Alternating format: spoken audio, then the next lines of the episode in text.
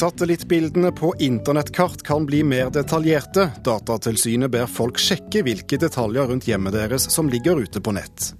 Festival-Norge spiller med feige lag, mener festivalsjef i Steinkjer. Nå blir festivalene som får mest i statsstøtte, hasteevaluert. Og den store idrettsfesten i Brasil har ikke bare handlet om ball. Myndighetene har gitt, gjort sitt for å vise seg frem som kulturnasjon under fotball-VM.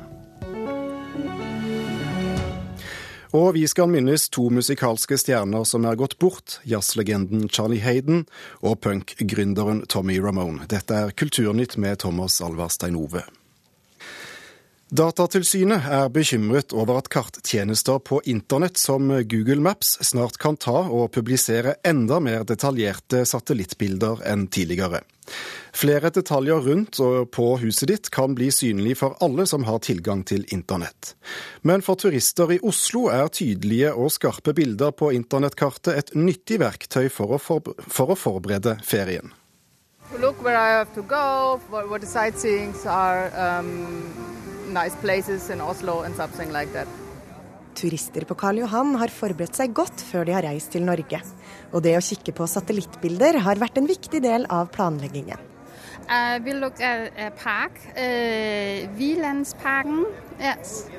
Ved å bruke internettkarttjenester som Google Maps kan man få satellittbilder og gatebilder fra alle verdenshjørner rett inn på egen dataskjerm. Dermed kan man se turistattraksjoner, veibeskrivelser og turstier før man f.eks. drar på ferie. Men man kan også finne bilder av sitt eget hjem. Ja, vi kan søke på Thomsenveien, da, der hvor jeg bor, på Grefsen. Og så kan vi se litt hvordan det ser ut der. Bjørn Erik Thon i Datatilsynet sjekker satellittbildene av huset sitt. Her ser du at jeg har en trampoline i hagen, at jeg har et drivhus. Men uh, bortsett fra det, så er det nok ikke så veldig mye å se på akkurat dette bildet. For frem til nå har ikke satellittbildene i Google Maps vist detaljer som er større enn 50 cm. Men i midten av juni avgjorde amerikanske myndigheter at alle karttjenester på internett kan benytte seg av enda skarpere bilder fra satellitt, helt ned til 31 cm. Denne utviklingen bekymrer Datatilsynet de blir skarpere og skarpere og mer og mer detaljert. Og når ting blir skarpere og mer detaljert, så betyr jo det også at det sier mer om oss. Eh, så det er en bekymringsfull utvikling, syns jeg, at disse kameraene blir stadig skarpere. Jo skarpere, jo bedre. Det sier kommunikasjonssjefen i Norsk Folkehjelp, Håkon Ødegård. For det at satellittene nå kan ta skarpere bilder, kan også ha positive konsekvenser. Ved f.eks. minerydding alle ting som kan få oss til å vite mer om det landskapet som vi skal rydde inn i, som jo er jo en livsfarlig eh, jobb, egentlig. De fleste steder har det jo vært eh, åpenbart militær virksomhet, og da kan man se sporene etter det. Man kan se hvordan eh, trær har vokst, man kan se hvordan skyttergraver har vært lagd ved å se fordypninger osv. Så, videre. så jo mer detaljert det er, jo lettere vil etterretningsdelen bli for oss. da. Han trekker fram mineryddingen i etterkant av flommen på Balkan som et eksempel hvor skarpe satellittbilder har vært til stor hjelp. Samme i Bosnia, der det akkurat har vært en stor, eh, stor flom som har gjort at en del mineområder har endra seg. Kan man jo gå inn med kartene og se eh, om elveleiene og sånne ting har endra seg over den tida, da, som gjør at det letter arbeidet vårt. Men Bjørn Erik Thon i Datatilsynet frykter at også folk med skumle hensikter kan benytte slike satellittbilder til å begå kriminelle handlinger, som innbrudd. F.eks. avsløre alarmsystemer, kameraer som er skrudd av eller på. Eh, det kan være hva slags bil man kjører, kan jo si noe om hva slags inntekter man har. Datatilsynet anbefaler alle å ta en titt på hvilke detaljer ved ditt private hjem som er avfotografert på nettet for å unngå at bildene blir utnyttet. Det jeg anbefaler, er at folk sånn, kanskje en gang i året går og ser på f.eks. Google Street View, for å se om de faktisk vil ha bildet sitt liggende ute lenger av huset. Og hvis ikke de vil det, så kan de ta kontakt med Google, og da skal det huset bli eh, bløra, som det heter på fint norsk. Altså at det skal bli gjort så utydelig at du ikke kan kjenne igjen noen ting der sa Bjørn Erik Thon i Datatilsynet til reporter Åsta Hoem Hagen. Og satellittene som kan ta nye og skarpere bilder, skal etter planen sendes ut i løpet av august.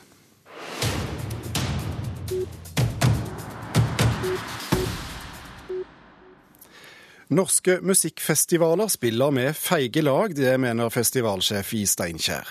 For når tolv såkalte knutepunktfestivaler kan bestille artister med millioner av kroner direkte fra statsbudsjettet, går det hardt utover konkurransekraften til alle de andre festivalene som i stor grad må greie seg selv. Nå setter Kulturdepartementet i gang en hasteevaluering av knutepunktordningen. Svenske Timbuktu er ettertrakta i Festival-Norge. Her fra årets Steinkjer-festival. En festival som får 250 000 kroner i statlig støtte. Men Timbuktu spiller òg under Festspillene i Elverum og Moldejazz, to festivaler som får til sammen nesten 10 millioner kroner i støtte. Så jeg er veldig for at noen skal være lokomotiver eller kulturfyrtårn. Men uh, her er forskjellene så enorme at det er klart det er konkurranseforskyvende. Sier sjef for Steinkjerfestivalen, Svein Bjørge. Festspillene i Elverum er bygd opp rundt ungdomssymfonikerne, og har sammen med Moldejazz og ti andre festivaler i landet status som knutepunktfestival. Alle med et nasjonalt ansvar for sin sjanger, og for å være behjelpelig på festivaldrift i sin region. I 2014 får disse festivalene til sammen 80 millioner kroner i støtte fra staten. Mens det er eh, ca. 350 musikkfestivaler i Norge som må slåss om 35 millioner. Jeg mener nok at knutepunktordningen har bidratt til at vi har fått eh, en ganske bred kunstnerisk profil. Som vi kanskje ikke hadde fått dersom vi måtte søke på årlig basis, som vel da blir alternativet til en knutepunktordning. Sier styreleder i Festspillene i Elverum, Bjørn Gudbjørgsrud. I forrige uke kunne vi lese i Dagens Næringsliv at countryfestivalen i Seljord anklaga Notodden Blues Festival for å booke Hellbillies med statlige festivalkroner. Kritikk kom det òg mot kirkemusikkfestivalen Olavsfestdagene, da de satte Ylvis på plakaten. Og i Elverum står altså både Timbuktu, The Waterboys og Veronica Maggio på årets festspillplakat. Hvis du teller antall artister som vi har, så er det stort sett klassiske musikere. Grunnmuren i Festspillene i Elverum er ungdomssymfonikerne. Eh, og vi har klassiske artister som du ikke kan se, se noen andre steder. Kulturdepartementet har siden 2010 evaluert knutepunktfestivalene for å se om de oppfyller kriteriene for støtte. Ingen har mista status som knutepunktfestival etter evalueringene. Eh, så jeg tror ikke departementets evalueringer oppfattes som særlig skremmende. Nå framskynder Kulturdepartementet den varsla gjennomgangen av knutepunktordningen. Noe flere små festivaler hilser velkommen. Det er en ny regjering som kanskje ser litt annerledes på det. Eh, som kanskje er litt mer opptatt av eh, jevn konkurranse. Eh, så man kan jo håpe på at det blir en gjennomgang, og at noe skjer i forhold til skjevfordelinga. Det er jo i og for seg en varslet gjennomgang. Jeg oppfatter at regjeringen ønsker å gjøre en sånn gjennomgang. Samtidig så eh, syns vi at eh, knutepunktordningen har fungert bra. Eh, og jeg syns at ordningen bidrar til at vi klarer å tilby et, et godt program. Det sa styreleder i Festspillene i Elverum, Bjørn Gudbjørgsrud, og reporter det var Torunn Myhre. Kulturkommentator i NRK Agnes Moxnes, er det et problem at knutepunktfestivaler eh, som altså får statlig støtte, setter opp store artister utenfor sin sjanger? Det er jo det, og det er jo ikke vanskelig å skjønne at de syns det er irriterende at festivaler som eh, nyter godt av disse statlige midlene, kommer inn og sikrer seg de beste navnene og dermed liksom får en kraftig konkurranse. Og dette er eh, klager vi har hørt i mange år, så det har vært en stor irritasjon der. Det er jo litt av den samme liksom, kritikken som er blitt rettet mot f.eks. NRK fra andre mediehus, at eh, de som nyter godt av lisenspenger eller statlige overføringer, de trenger ikke å være så gode på det som trekker det store publikummet, fordi at det kan det av de kommersielle kreftene ta seg av. Mm. Hvorfor har vi da knutepunktfestivaler? Ja, Det er jo et forferdelig ord som er bare til bruk for innvortes eh, eh, jeg. Det er jo ikke mange som, eh, som, vet hva det egentlig handler om. Men det har altså eksistert siden tidlig på, på 90-tallet. Den gangen det var veldig langt mellom festivaldrammene. Og tanken var jo liksom å bygge kvalitetsmestere innenfor de ulike sjangerne. Først ute var Festspillene i Bergen og Festspillene i, i Nord-Norge, altså den klassiske musikken. Og så har det altså da kommet til etter hvert folkemusikk, jazz, country, rock osv. osv. Så, så, for å få til denne ordningen, så har man altså laget en, en, et slags sånn spleiselag mellom staten, fylket og, og, kommunen for at man skal ha trygge rammer for å drive disse kvalitetsfestivalene. Og, og det er jo ingen tvil om at, at Knutepunktfestivalen har vært utrolig viktig for fremveksten og, og bredden og utbredelsen av kvalitetsmusikk i, i Norge. Og nå fremskyndes altså evalueringen av denne ordningen som Dagsavisen skrev før helgen. Hva er det regjeringen eh, vil med det? Ja, regjeringen går igjennom eh, hele altså måten kulturlivet er, i Norge er finansiert på. Så det er egentlig naturlig at de nå gasser opp evalueringen også av knutepunktfestivalene. Det er i hovedsak to ting de ser etter. Det ene er om knutepunktinstitusjonene oppfyller rollen sin som læremestere og en slags omsorgsfigur for andre festivaler i samme sjangre, for den jobben skal de gjøre. Og det andre, og det er jo det vi hørte om i denne saken her, er om de driver festivalene sine på en måte som svekker andre festivalers mulighet til å, å sikre seg et stort eh, publikum og gode inntekter. Vi får se hva slags resultater evalueringen eh, gir. Takk skal du ha i denne omgang, Agnes Moxnes. Du hører på Nyhetsmorgen i eh, NRK P2 Alltid nyheter. Klokken den blir eh, straks kvart over åtte, og dette er nyhetsoverskriftene nå. De fleste drepte på Gazastripen er sivile. Mange barn har mistet livet, og tusenvis er traumatisert, ifølge FN-rapport. Ellevill VM-jubel i Tyskland, men i Argentina har VM-tapet ført til tårer og opptøyer. Nordmenn er blitt flinkere til å gi livreddende hjelp.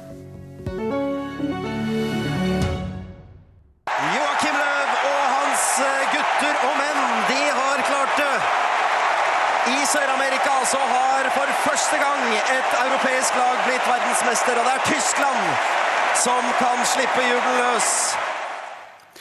Fotball-VM har altså vært en suksess for Tyskland. Det har den også vært for de to kanalene som har sendt fotball-VM her i landet, TV 2 og NRK. Nå vurderer konkurrentene å utvide samarbeidet.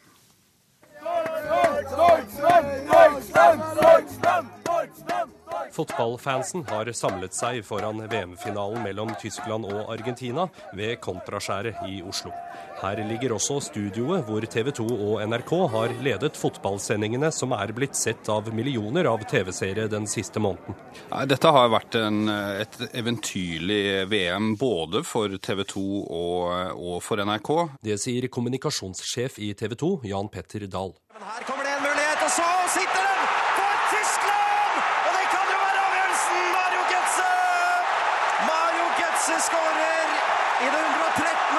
Flere hundre millioner TV-seere verden over kunne se Tysklands fotballandslag heve VM-trofeet i går kveld.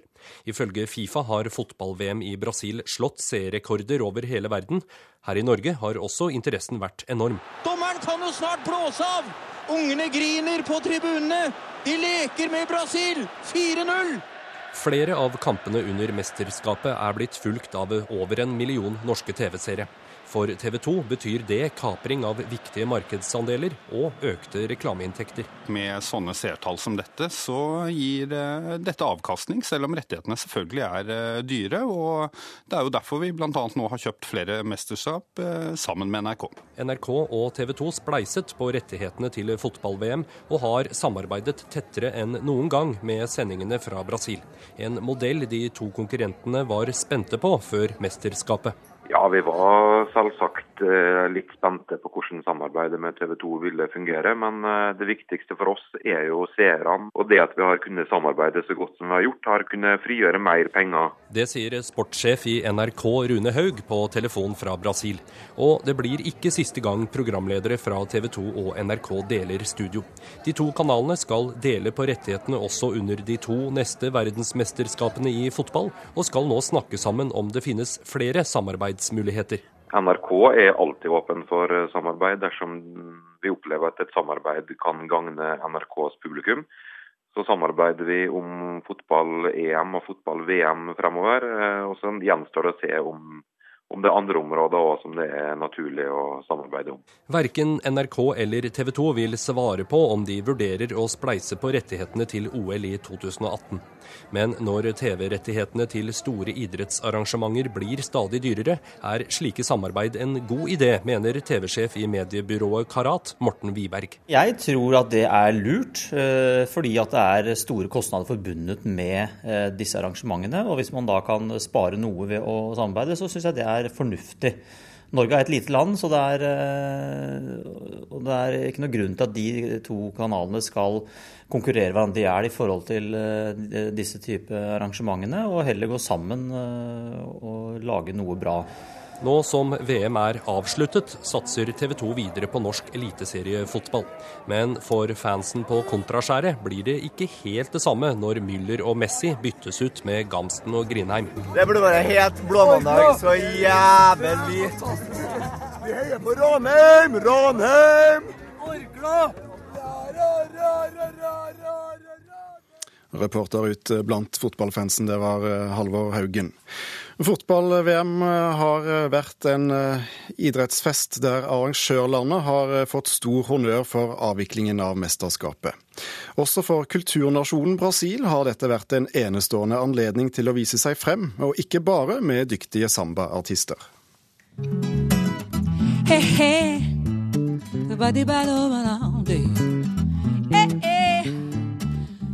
Den populære artisten Mariella Santiago synger myk og sensuell samba på en scene i Salvador de i nordøst Brasil. Selvsagt har Brasils nasjonalmusikk vært et viktig innslag når de tolv VM-byene har presentert seg for 600 000 utenlandske og 3 millioner brasilianske besøkende under verdensmesterskapet. Men VM-gjestene har også gledet seg over en rekke andre kulturformer, og vertslandet har satset tungt. Dette teaterstykket i Sao Paulo er et av rundt 130 prosjekter som har fått offentlig støtte til å lage kunst, spesielt med tanke på fotball-VM. Andre prosjekter har jobbet med litteratur, dans, billedkunst, klassisk musikk og andre kunstformer. Vi har ønsket å få verden til å se på kulturnasjonen Brasil med nye øyne, sier kulturminister Marta Suplicy. For oss var det viktig å vise mangfoldet i Brasils kulturliv. Det er selvsagt ingenting galt med samba, fotball og karneval, som har vært vår største kulturelle kapital når det gjelder å markedsføre Brasil for verden. Men Brasil har fremragende kunstnere på mange andre områder, og under VM har de hatt en enestående anledning til å vise seg frem for et stort publikum, sier hun.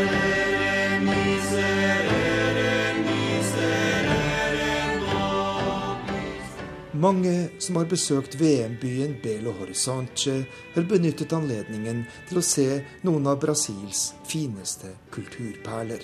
Noen mil fra byen ligger en rekke vakre kirker fra senbarokken, en arkitektur som bare finnes i dette landet. Hver av de tolv VM-byene har markedsført seg med brede kulturprogrammer, og det har vært stor oppslutning fra publikum.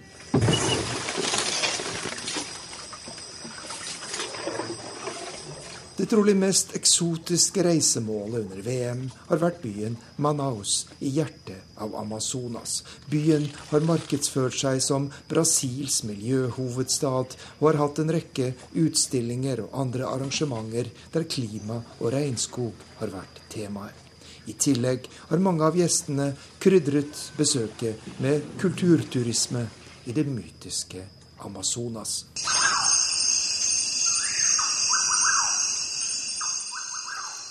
Reporter i Brasil var Arnt Stefansen. Denne helgen kom meldingene om at to sentrale og innflytelsesrike musikere har gått bort. Den amerikanske jazzbassisten Charlie Hayden er den ene.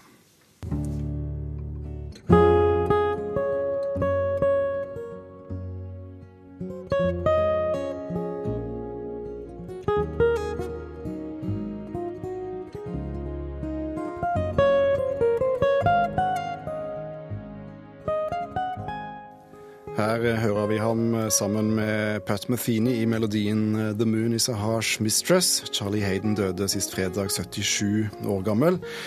Musikkjournalist i Dagsavisen Geir Rakvåg, hvilken betydning har han hatt?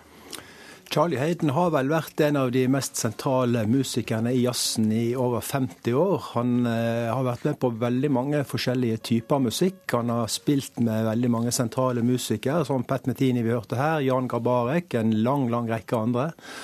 Og han hadde altså sine egne orkester som eh, på veldig mange forskjellige måter preger jazzen sånn som vi kjenner den i dag. Ja, Hva var det spesielle med Hayden? Han hadde jo en fantastisk flott tone, som vi så vidt hørte litt av her. Og han, han var så eh, allsidig. Han begynte jo til og med som countrysanger i familien sitt radioorkester fra han var fire år gammel. Så fikk han problemer med stemmen pga. sykdom og måtte begynne å finne andre måter å drive musikk på. Så han, eh, han stjal broren sin bass når han kunne, og lærte seg det. Og ble altså en av verdens aller fremste på sitt instrument.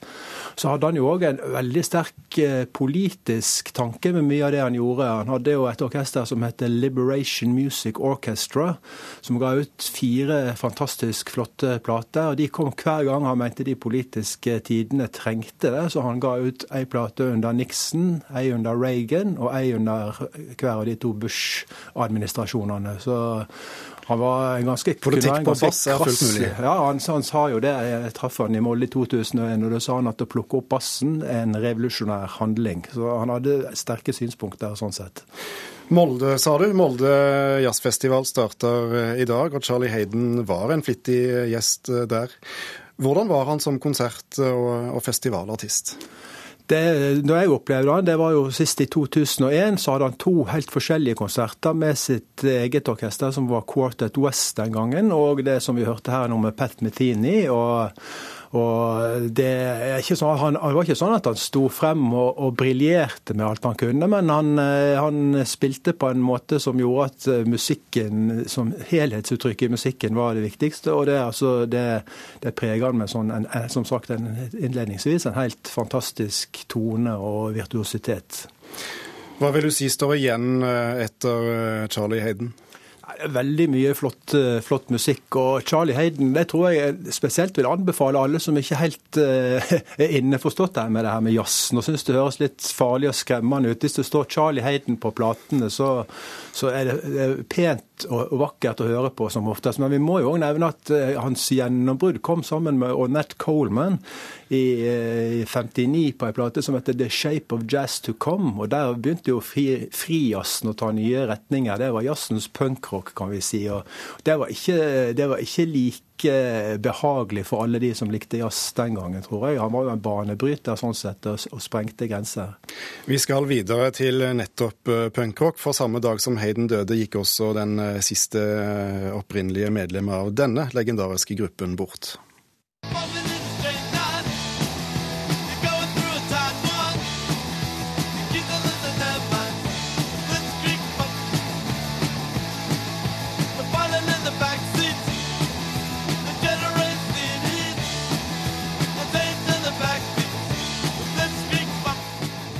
The Ramones med Blitzkrieg Bop. Eh, Tommy Ramone døde også sist fredag, 62 år gammel. Dermed er alle de som var med å starte dette punkrock-bandet, døde. Tommy Ramone var trommeslager i bandet, og Geir Aker var fortsatt eh, med oss. Eh, hva står igjen etter The Ramones?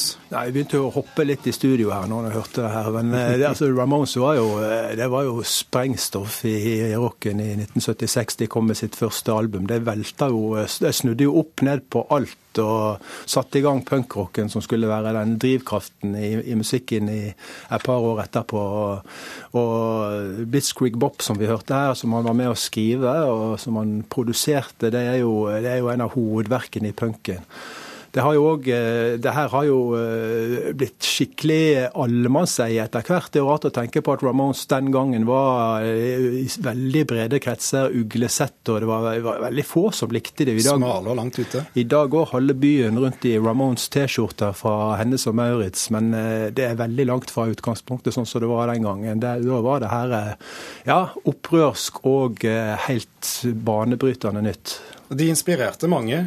Ja, ja, selvfølgelig. Altså, Punkrocken i England kom jo et halvt år etter for fullt og satte i gang. altså Det kom Sex Pistols og Clash og alt det der, men eh, Ramones var der litt i forkant. og Så kan man diskutere om det her var en sånn samtidig revolusjon i rocken som skjedde på en eller annen uforklarlig måte både i England og USA uten at de visste om hverandre, men eh, uansett så kom Ramones først med det her.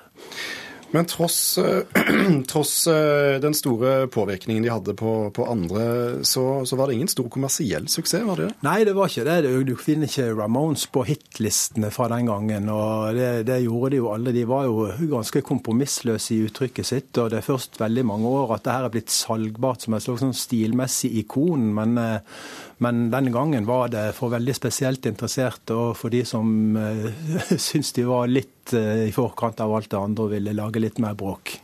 Geir Akvåg uh, fra Dagsavisen, takk for at du kom til Kulturnytt. Vi skal avslutte dagens sending med noen flere toner fra Ramones.